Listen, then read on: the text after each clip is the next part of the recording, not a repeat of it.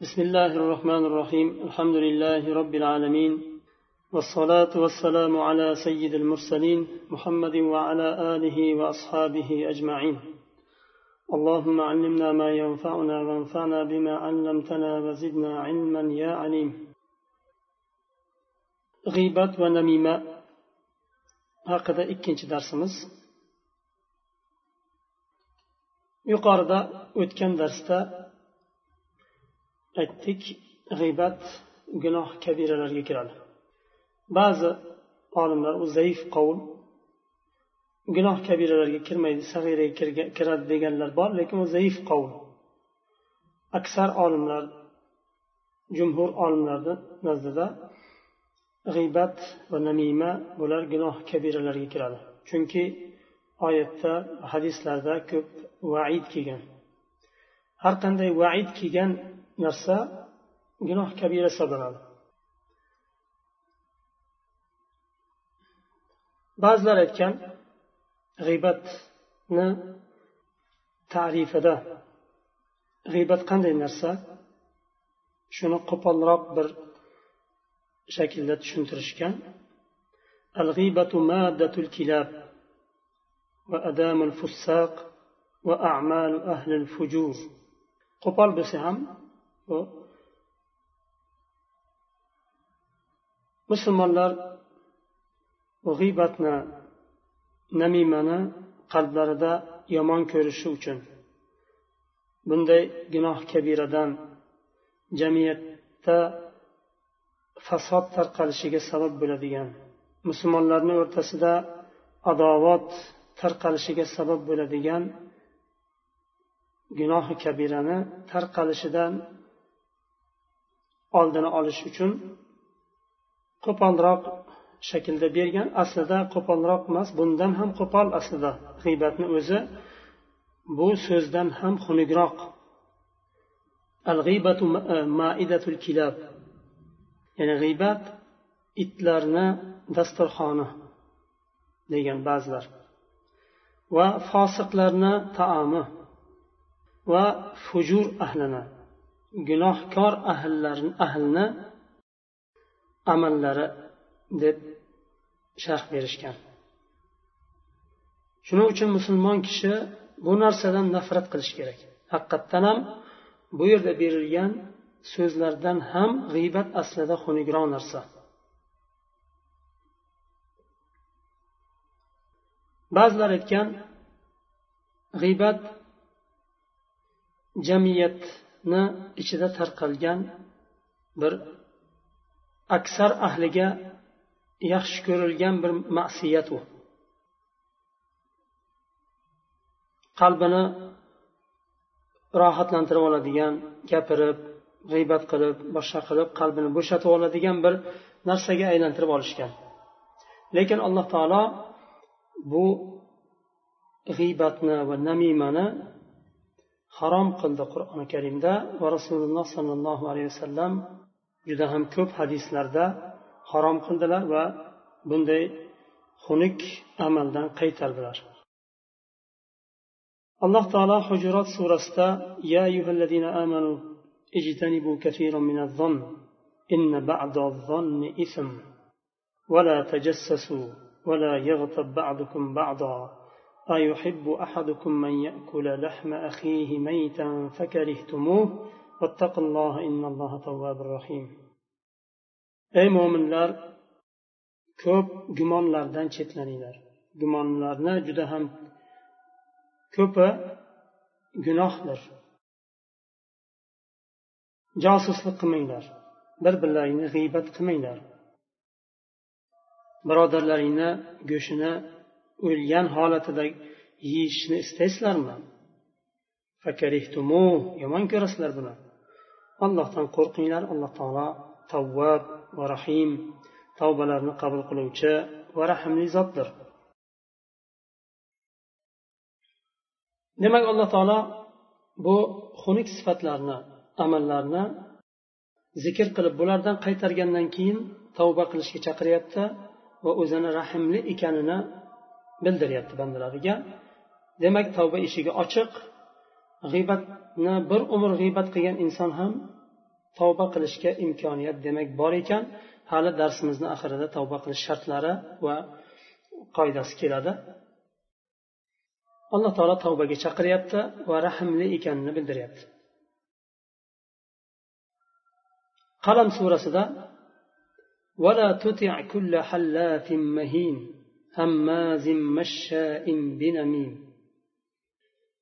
alloh taolo rasuliga aytyapti ولا تطع كل حلاف مهين ko'p qasam ichadigan hallaf hallaf hallaf mahin past pastkash odamlarga itoat qilmang hammaz odamlarni doim ayblab g'iybat qilib yuradigan mashshain binamim gap tashib yuradigan kishilarga itoat qilmang deb alloh taolo rasuliga buyuryapti.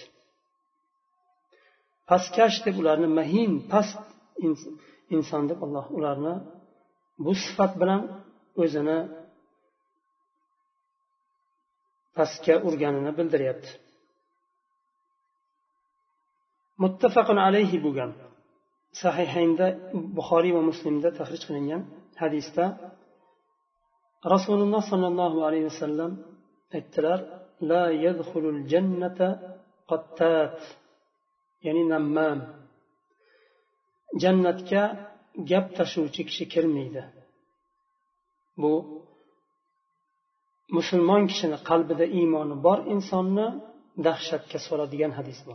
Jannatga gap tashuvchi odam kirmaydi demak bu shunday bir past xulq ekanki jannatga u xulq bilan xulqlangan inson uchun yo'l yo'q sahih muslimda abu said hudriy roziyallohu anhudan rivoyat qilingan hadisda rasululloh sollallohu alayhi vasallam aytadilar أن أهل الجنة إذا عبروا الصراط وقفوا على قنطرة بين الجنة والنار فيقتص لبعضهم من بعض فإذا هذبوا ونقوا أذن لهم في دخول الجنة jannat ahli sirotdan o'tgandan keyin sirot bilasizlar jahannamni ustidagi ko'prik sirotdan o'tgandan keyin jannat bilan jahannamni o'rtasidagi bir yerda to'xtatilinadi ularni va bir birlarida qolgan haq uchun qasos olinadi. Bir biridan qasos olinadi. Kimdir kimga zulm qilgan shu zulmlar uchun qasos olinadi. Kimdir kimni obro'sini to'kkan orqasidan g'iybat qilgan gap tashlagan yo molini yegan nohaq. Undan keyin qasos olib bo'lingandan keyin butun bu g'iybat va namima gap tashishlik buni asoratlaridan pok bo'lganlaridan keyin jannatga kiradilar dedilar. Bu vaidlar musulmon ummatini isloh qilish uchun jamiyatni ichidagi yomon xulqlarni chiqarish uchun jamiyatni u yomon xulqlardan poklash uchun kelgan bu vaidlar bular. Alloh taolo bu dinni yer yuzini poklashlik uchun hayotni go'zallashtirish uchun va insonlarni har xil yomon sifatlardan poklashlik uchun alloh taolo bu dinni yubordi. Imom muslim va termiziy tahrij qilgan hadisda rasululloh sollallohu alayhi vasallam aytadilar alloh taolo musulmonni qonini va obro'sini harom qildi va musulmon kishi to'g'risida yomon gumon qilishni ham harom qildi dedilar.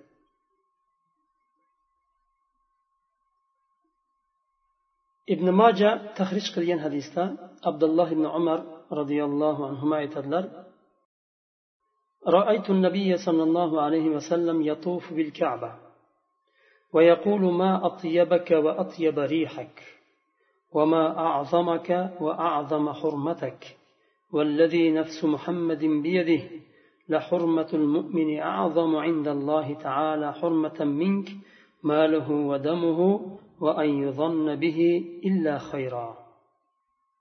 عبد الله بن عمر رضي الله عنه aytadilar rasululloh sollallohu alayhi vasallam kabani tavof qilarkanlar shunday dedilar.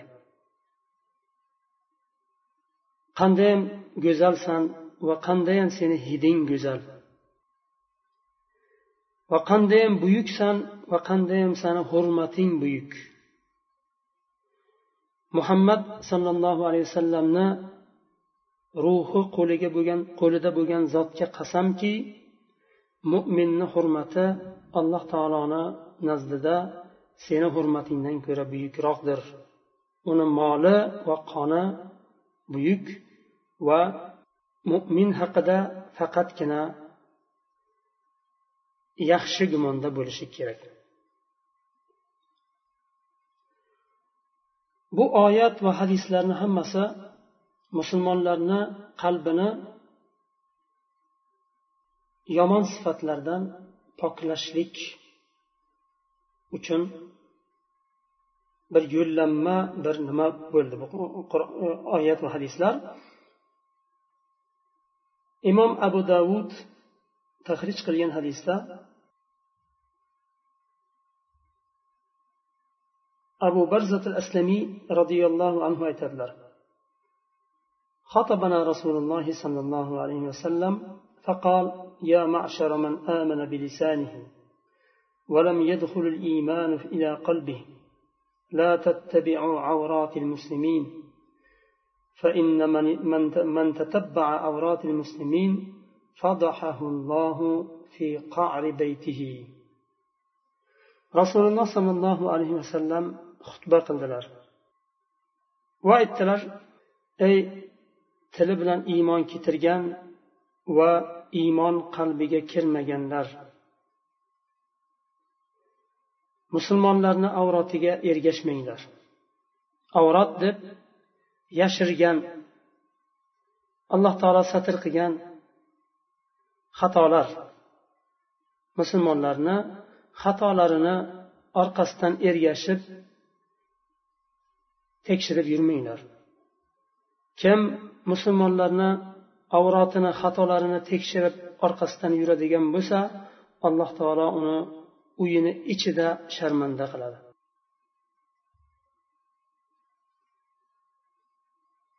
imom bayhaqiy tahrij qilgan hadisda abu said va jabir roziyallohu anhuma aytadilar قال رسول الله صلى الله عليه وسلم الغيبة أشد من الزنا قالوا يا رسول الله وكيف الغيبة أشد من الزنا؟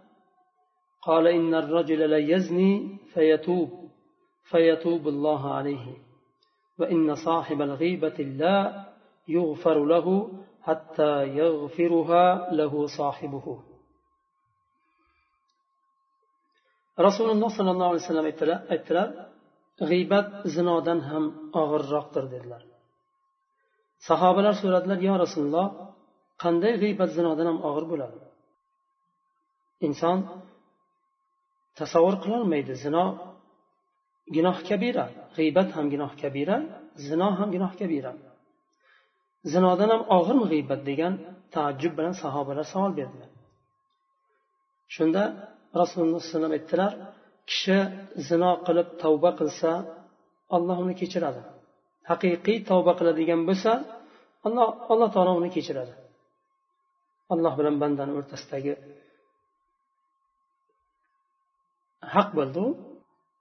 Ammo g'iybat g'iybat qilingan kishi kechirmaguncha alloh taolo uni kechirmaydi. Har kun g'iybat qilib har kun allohga tavba qilgan kishini tavbasi tavba emas. Chunki u bir kishini haqqiga xiyonat qilyapti zarar beryapti. Bir kishini obro'siga sha'niga dog' tushiryapti. u kishi bilan boshqa birodarlarni o'rtasini buzyapti jamiyatda fasod tarqatyapti imom muslim tahrij qilgan hadisda huzayfa roziyallohu anhu aytadilar قال رسول الله صلى الله عليه وسلم لا يدخل الجنة تمام نمام fattat yuqorida kelganda qattat u qattat deb kelganda u qattat ham nima nammam bu yerda nammam so'zi bilan e, keldi jannatga chaqimchi gap tashuvchi kishi kirmaydi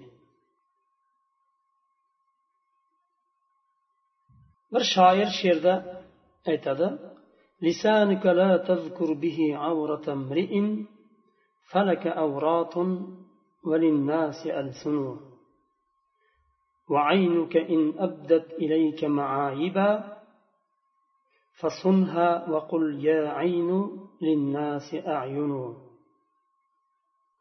tiliz bilan odamlarni xatolarini gapiravermang chunki sizda ham xatolar bor va odamlarda ham til bor siz gapirsangiz odamlarni xatosini xatodan pok bo'lgan farishta emassiz sizni ham xatoyingiz bor odamlarda ham til bor gapiradigan. Agar ko'zingiz siz, sizga odamlarni aybini ko'rsatadigan bo'lsa ko'zingizni tiying va aytingki ey ko'z odamlarda ham ko'z bor deng. Ya'ni sen ko'rgan bo'lsang odamlarni xatosini odamlarda ham ko'z bor seni ham xatoingni ko'radi deng deb chiroyli bir she'r aytgan g'iybatni turlari juda ham ko'p. G'iybatni turlari juda ham ko'p. Olimlar ba'zi holatlarni zikr qilgan. Imom navoiy rahimaulloh aytadilar g'iybatni chiroyli bir libos bilan kiyizib gapirishga harakat qilgan qiladiganlar ham bor. Masalan men u kishini yaxshi ko'raman hurmat qilaman lekin achinaman u kishini holiga. Mana unday mana unday bunday kishi deb haligi bir muqaddima qiladi chiroyli qilib bir bezab muqaddima qiladida undan keyin asosiy o'zini maqsadiga kasaliga o'tadi. Asl kasal qalbdagi kasallik u g'iybat. G'iybat qilib qalbini bir sovutib olishlik.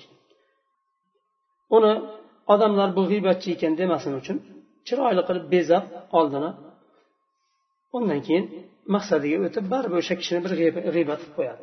Buni olimlar rad qilishgan bu oddiy g'iybat bilan bu g'iybatni farqi yo'q. Ikkalasi ham g'iybat.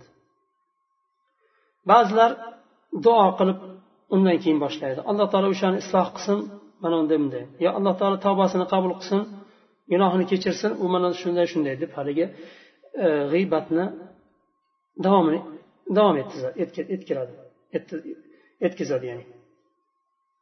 Yoinki alloh taolo bizni saqlasin unday bo'lishdan alloh taolo bizga unaqangi sifatlarni bermasin. Mana shu odam shunday shunday deb g'iybatga o'tadi.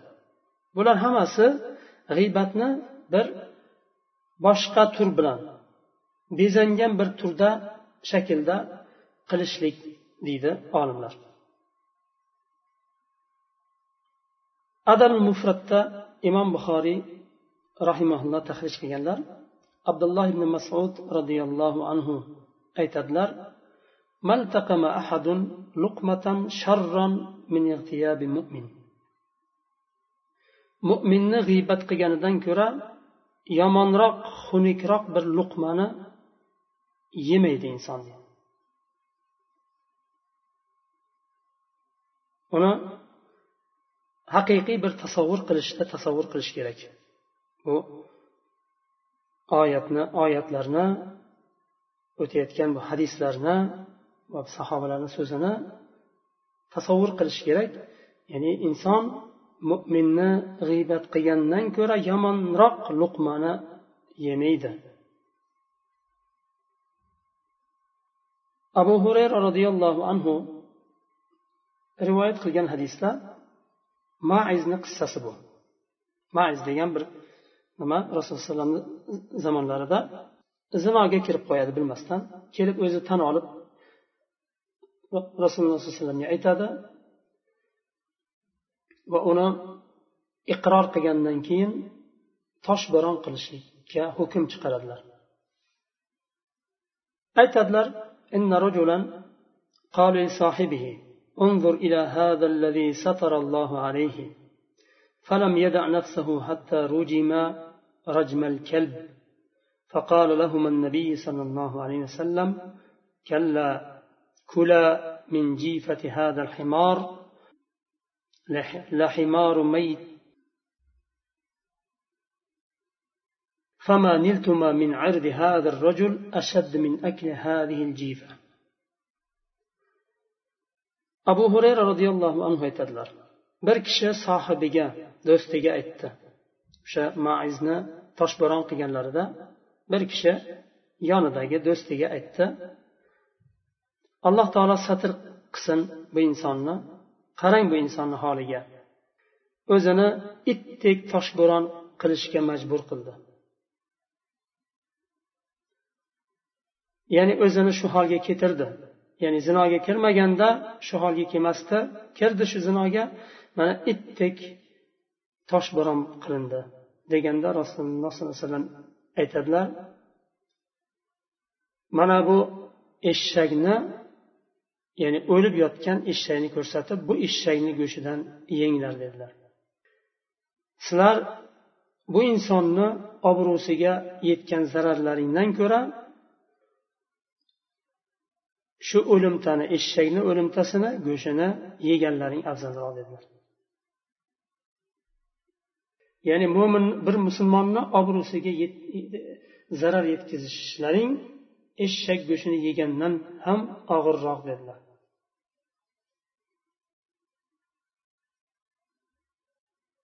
Imom ahmad va buxoriy tahrij qilgan hadisda adabi mufratda keladi bu hadis. Jabir roziyallohu anhudan rivoyat qilinadi.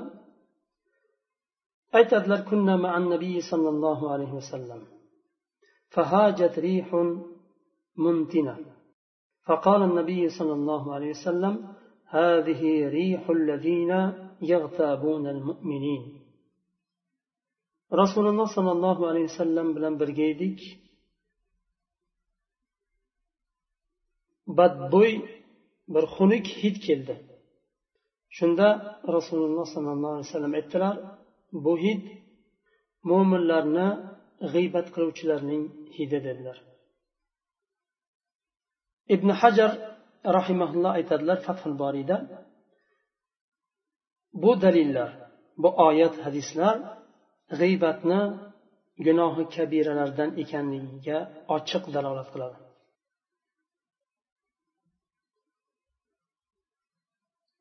Rasululloh sollallohu alayhi vasallam aytadilar ala uxbirkum bishirorikum qalu bala.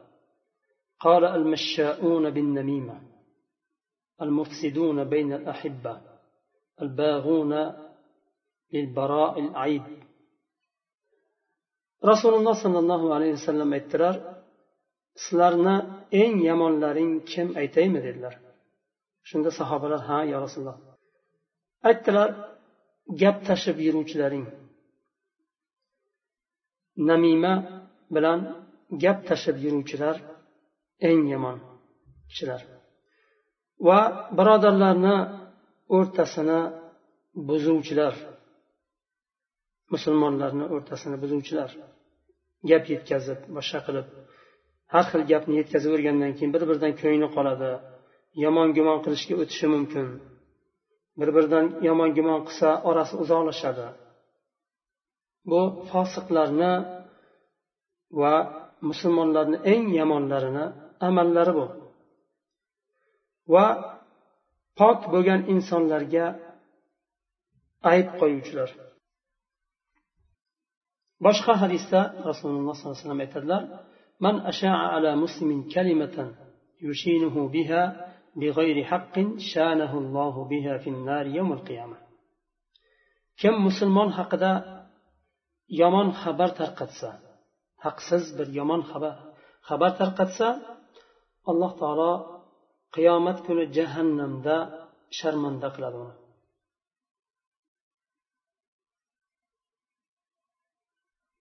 Abdulloh ibn abbos roziyallohu anhu tahrij qilgan rivoyat qilgan hadisda rasululloh sollallohu alayhi vasallam ikkita qabrni yonidan o'tarkan aytadilar bu ikkalasi azoblanyapti hozir.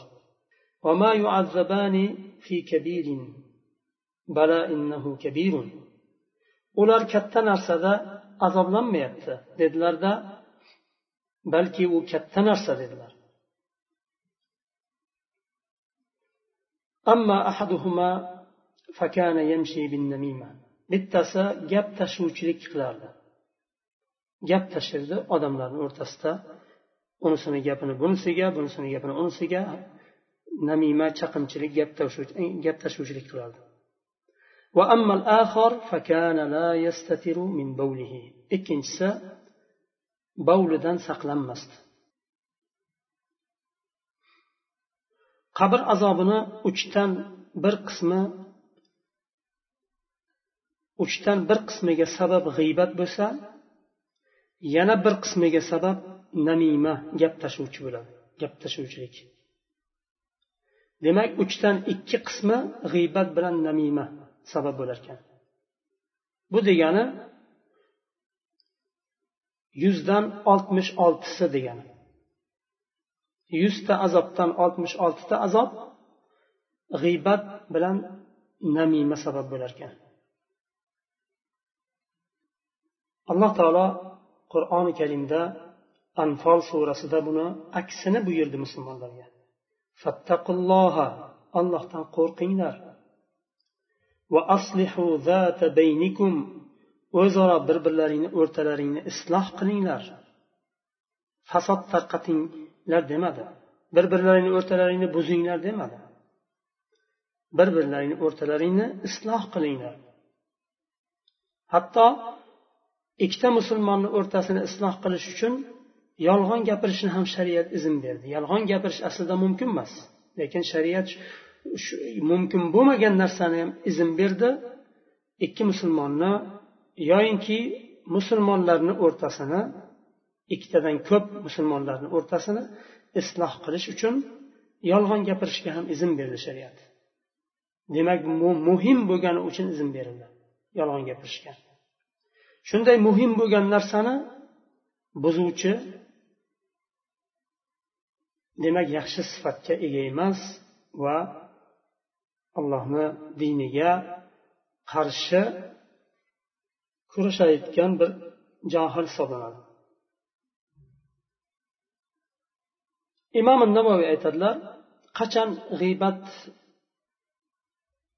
muboh bo'ladi izn beriladi. Ya'ni g'iybat aslida ba'zilar g'iybat degan bo'lsa ba'zilar g'iybat emas bu e, shikoyat deganlar ham bor. Qachon izn beriladi qachonki zulm qilsa va u zulmni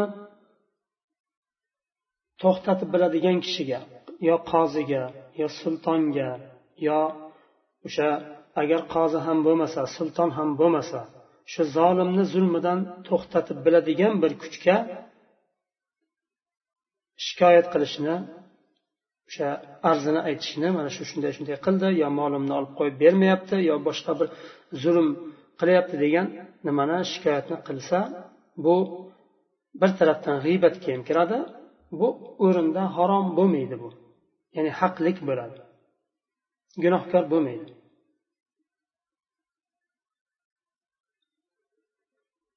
Bu birinchisi. Ikkinchisi munkar ishni o'zgartirish. Uchun yordam so'rash. Masalan bir kishi munkar ishni qilyapti. Aytaylik uyida yashirincha mast qiluvchi ichimlik chiqaradi. Yo bir shunga o'xshagan bir jamiyatni buzadigan bir narsani yashirincha qiladi. Buni siz bildingiz. Agar hokim bo'lsa hokimga yo qoziga. Agar qozi ham hokim ham bo'lmasa shuni munkar ishdan qaytarib biladigan bir kuchga shikoyat qilib to'xtatishlik gunoh sanalmaydi. Uni hammaga aytib yurish emas oldingizdan chiqqan odamga palonchi unday qilyapti pistonchi bunday qilyapti deb aytishlik izn berilmaydi. Birinchi holatda ham ikkinchi holatda ham. Faqat o'sha munkarni o'zgartirib biladigan yerga borib aytishlik g'iybatga kirmaydi. Uchinchi holat muftiydan so'rashlik. Masalan bir holatda men o'rtamda akam bilan yo ukam yo otam yo bir do'stim birodarim bilan o'rtamda shunday shunday bo'ldi men bunday qildim u kishi unday dedi yo qildi e, deb xato o'rtadagi bo'lgan holatni aytib berishlik. Uni hukmini bilish uchun zulm bo'ldimi yo zulm bo'lmadimi yo kim nima qanday buni isloh qilishimiz yo kerak yoinki bir kim bu yerda zolim kim mazlum hisoblanadi buni hukmini o'rganish uchun aytilinsa muftiyga faqat uni ham har kimda oldidan chiqqan odamga aytishmas uni bugungilarga o'xshagan. Chunki abu sufyonni xotini rasululloh alayhi vasallamga kelib shikoyat qiladi. Abu sufyon molin baxilroq kishi bo'lgani uchun ayoliga nima bermasdi o'shanda? Kelib shikoyat qilganda rasululloh g'iybat qilyapsiz gapirmang demadilar. Tingladilarda eshitdilarda undan keyin javobini berdilar. Mana bunday bunday qiling deb to'rtinchi holat musulmonlarni bir kishini sharridan ogohlantirish. U sharridan derkan bu narsa bu so'z iymoni zaif. Qalbida g'iybat va namima yaxshi ko'rsatilgan ziynatlangan insonlarga eshikni ochib bermaslik kerak. Musulmonlarni ogohlantirish nimadan? Shariatni buzishga harakat qilayotgan. Masalan e, tahlikali bid'at yoyinki bir islomiyat dushmanlik qilayotgan bo'lsa yoyinki aqidani o'zgartirish masalan buzuq aqidani tarqatayotgan yoyinki yolg'on hadislarni gapiradigan bir kishi bo'lsa u insonni sharridan musulmonlarni ogohlantirsa bo'ladi. Bu inson atayin bilib turib zaif hadislarni gapiradi yo mavzu hadislarni gapiradi. Yoyinki bu insonni aqidasi islomga zid ya'ni to'g'ri aqida emas.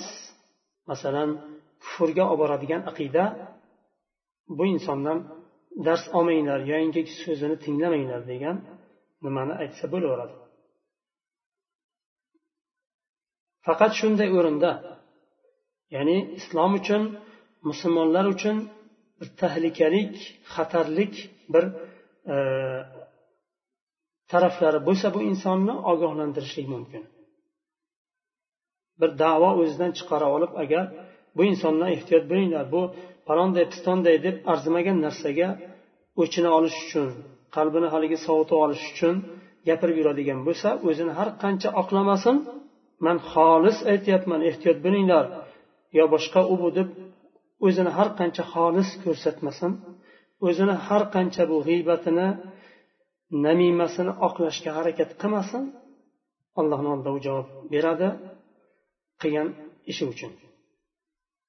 Chunki bu birovni bir musulmonni obro'siga sha'niga bog'liq bir narsa bo'lgani uchun bu narsada juda ehtiyot bo'linadi. Agar shu narsani chuqur bilmasa bir ahli ilm bilan maslahat qiladi. Ya'ni dinni yaxshi tushungan kattaroq ilmga ega bo'lgan har qanday masalan e, ahli ilm bo'lib e, tanilgan har qanday kishi bilan emas taqvosi nimasi bilan ilmi bilan tanilgan kattaroq ilmga ega bo'lgan va javob berganda ehtiyot bo'lib javob beradigan olimdan so'rash kerak. Har kimdan so'rashlik bo'lmaydi bu o'rinda. Masalan chunki xato fatvo berishi mumkin. Shuning uchun tan olingan kattaroq ilmga ega bo'lgan va taqvoga ega bo'lgan bir fatvo berganda o'ylanib allohdan qo'rqib fatvo chiqaradigan bir olimdan maslahat olish kerak. Uni ham palonchi deb ko'rsatmasdan bir musulmondan mana shunday shunday narsani man ko'rdim. Uni ogohlantirishlik boshqa musulmonlarga aytishga haqqim bormi deb so'ralinadi agar ha desa undan keyin agar xatarlik deb bilinsa islom ummati uchun islom uchun din uchun va musulmonlar uchun xatarlik hisoblanadigan bo'lsa musulmonlarni undan keyin ogohlantirishga haqli bo'ladi. Nima uchun bu darajada ehtiyot bo'lish kerak? Birinchidan bu musulmonlarni ogohlantiraman degan insonni o'zini oxiratini saqlashlik bu o'zini bu gunohi kabiradan saqlashlik birinchi o'rinda. Ikkinchi o'rinda boshqa bir musulmonni obro'sini nohaq to'kishdan saqlashlik va musulmonlar bilan u kishini o'rtasini buzishdan saqlanishlik. Yengil qaramaslik kerak bu narsalarga juda ham jiddiy qarash kerak. Beshinchisi fosiqligini bid'atini oshkora qiladigan inson bo'lsa uni ogohlantirishlik musulmonlarni uni fosiqligidan ogohlantirishlik kerak bo'ladi. Bu imom navoiy rahimallohni so'zlari masalan bid'at degan kufrga yetadigan jiddiy katta bid'atlarni ochiq qiladi. Va masalan mast qiluvchi ichimliklarni ichadi. Va boshqalarga qandaydir bir yo'llar bilan targ'ib qilishga harakat qiladi. Va har xil gunohlarni musulmonlarni ko'ziga yengil ko'rsatishga harakat qiladi. Bunday insonni g'iybat qilsa bo'ladi ogohlantirish uchun ya'ni musulmonlarni ogohlantirish uchun falonchi mana shunday shunday inson u bilan ham suhbat bo'lmanglar uzoqroq turinglar deb aytsa bo'laveradi. Oltinchisi agar bir sifat bilan tanilgan bo'lsa. Masalan aytaylik araj azraq al qasir bu e, yo zulyadayn ikki qo'l uzun yo bo'yi uzun kishini uzun deb tanilgan bo'lsa. Odamlar uzun deb nom qo'ygan laqab bo'lib qo'ygan. Yo bir qisqa bo'yi kalta kishi bor shuni Э, masalan kalta deb nom qo'yilgan shu laqab bo'lib qolgan u kishiga. Bu holatda falonchi deb laqab bilan aytishlik agar masxara sifati nimasi niyati bilan aytmasa g'iybatga kirmaydi tanitishlik uchun. Chunki u aslida nimaga? Laqabga aylanib qolgan. Ya'ni laqabga aylanib qolgan derkan agar shu laqabga egasi shu bilan rohatsiz bo'lmasa. Masalan rossiyada nimada? Bir madrasada dars berganimizda ikkita umar ikkalasi ham bir yerdan birisini bo'yi uzun edi bir ikkinchisini bo'yi qisqa edi. Umar tovil umar umar qasir deb bolalar o'quvchilar laqab qo'yib olgan. O'zlari shundan rozi edi. Kulardi. Masalan Э, kim bu deganda umar qasir deb o'zi ham aytaverardi. Yo tovil deb. Bu holatda masalan qasir yo tovil deganda bir nima? G'iybat hisoblanmaydi chunki egasi bu laqab bilan rozi tavba haqida endi yuqorida aytdik. Darsni oxirida tavba haqida gapiramiz deb. alloh taolo qur'onda aytyapti zumar surasida قل يا عبادي الذين أسرفوا على أنفسهم لا تقنطوا من رحمة الله إن الله يغفر الذنوب جميعا إنه هو الغفور الرحيم ey o'zlariga zulm qilgan bandalarim allohni rahmatidan noumid bo'lmanglar alloh taolo hammalaringni gunohlaringni kechiradi alloh g'afur gunohlarni kechiruvchi va rahmlidir faqat tavbani shartlari bilan qilinadi. Bu oyat tavba qilgan kishilarni gunohlarini kechirishga alloh taolo va'da beryapti. Faqat tavba haqiqiy tavba bo'lishi kerak. Hozir yuqorida o'tgandek hadisda. G'iybat qilingan kishi kechirmaguncha alloh taolo uni kechirmaydi. Chunki uni haqqi uni obro'sini to'kdi bu dunyoda. Nomini bulg'adi. Sha'niga dog' tushirdi. Har xil narsani gapirib orqasidan gap tarqadi.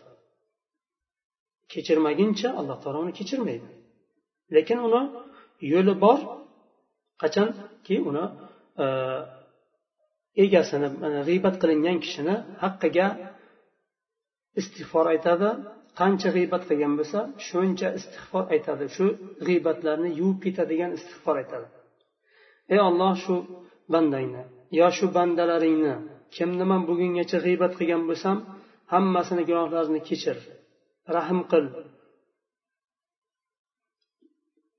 Dunyoda ham oxiratda ham degan nima? Duolarni orqasidan davomli qiladi to o'sha qilgan g'iybatlarini yuvib ketgunicha. Rasululloh sollallohu alayhi vasallam imom ahmad va termiziy va ibn moja tahrij qilgan hadisda aytadilar alloh taolo bandani tavbasini qabul qiladi to joni agar g'arg'araga kelmagan bo'lsa.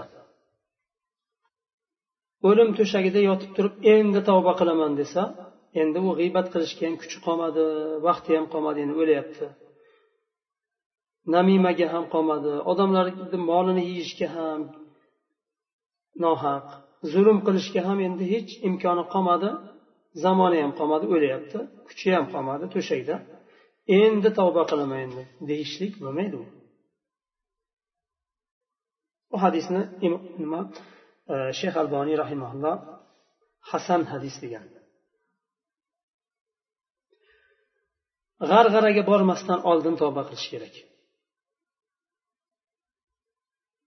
Sog'ligi salomatligi joyida bo'lganda aqli esi hushi joyida bo'lganda tavba qilib tavbani shartlari bilan qilish kerakki bu g'iybatni namimani qilgan zulmlarini yuvib ketishligi uchun.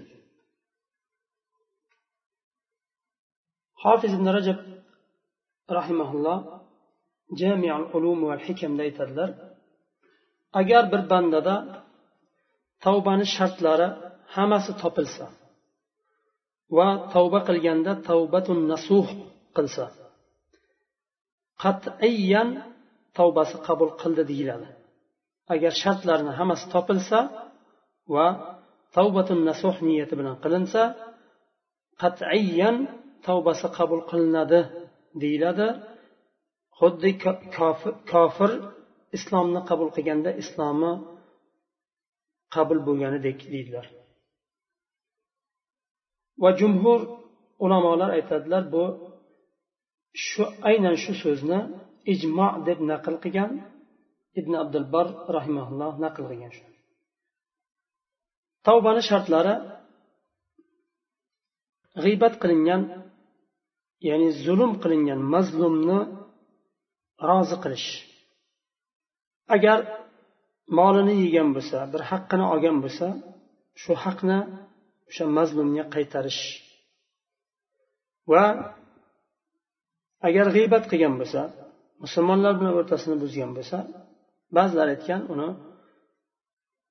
borib rozi qilish kerak o'ziga aytib men sizni g'iybat qilgandim orqangizdan gapirgandim gap tashimachilik qilgandim deb rozi qilishlik degan ba'zilar ba'zilar u shart emas. Agar unday deydigan bo'lsa musulmonlarni o'rtasida nima bo'lishi mumkin? Ya'ni qalbi og'rishi mumkin g'iybat qilingan kishini. Undan ko'ra o'ziga aytmaydida orqasidan doim istig'for va duo qiladi. Ya'ni alloh taolo shu kishini gunohlarini kechirsin. Alloh taolo jahannam azobidan bu kishini saqlasin jannatga kiritsin degan yaxshi duolar qiladi orqasidan. Ya'ni bu mani g'iybatimni miqdoricha alloh taolo bu kishini kechirsin gunohsini deb duo qiladi doim. Hasan al basriy rahimaulloh aytadilar g'iybatni kafforati g'iybat qilingan kishini haqqiga istig'for aytishlik. Chunki u kishiga yaxshilik qilyapsiz. U kishini xatolari bor inson u ham. Shu xatolarini gunohlarini alloh taolodan so'rayapsiz alloh kechirgin shu xatolarini gunohlarini. Ba'zi olimlar aytgan alloh taolo zindiqni va munofiqni tavbasini qabul qilmaydi degan. Imom ahmad bir rivoyatda va imom shofiy mazhablarida tavbasi qabul bo'lmaydi agar g'iybat qilingan kishi yo mazlum kishi imomga shikoyat qilgandan keyin yo qoziga shikoyat qilgan bo'lsa undan keyin tavbasi qabul qilinmaydi qozi tarafdan hukm chiqariladi jazo beriladi alloh taolo niso surasida aytyapti إنما التوبة على الله للذين يعملون السوء بجهالة ثم يتوبون من قريب فأولئك يتوب الله عليهم وكان الله عليما حكيما alloh taolo tavbasini qabul qiladigan kishini bu yerda alloh taolo oyatda aytyapti. Yomonlikni jaholat bilan qilgan va shu yomonlikni qilgandan keyin yaqindan tavba qilgan. Ya'ni uzoqdan tavba qilish u tilni uchida tavba qilib qo'yish. Yaqindan tavba qilish shartlarni hammasini o'rniga qo'yib tavba qilish.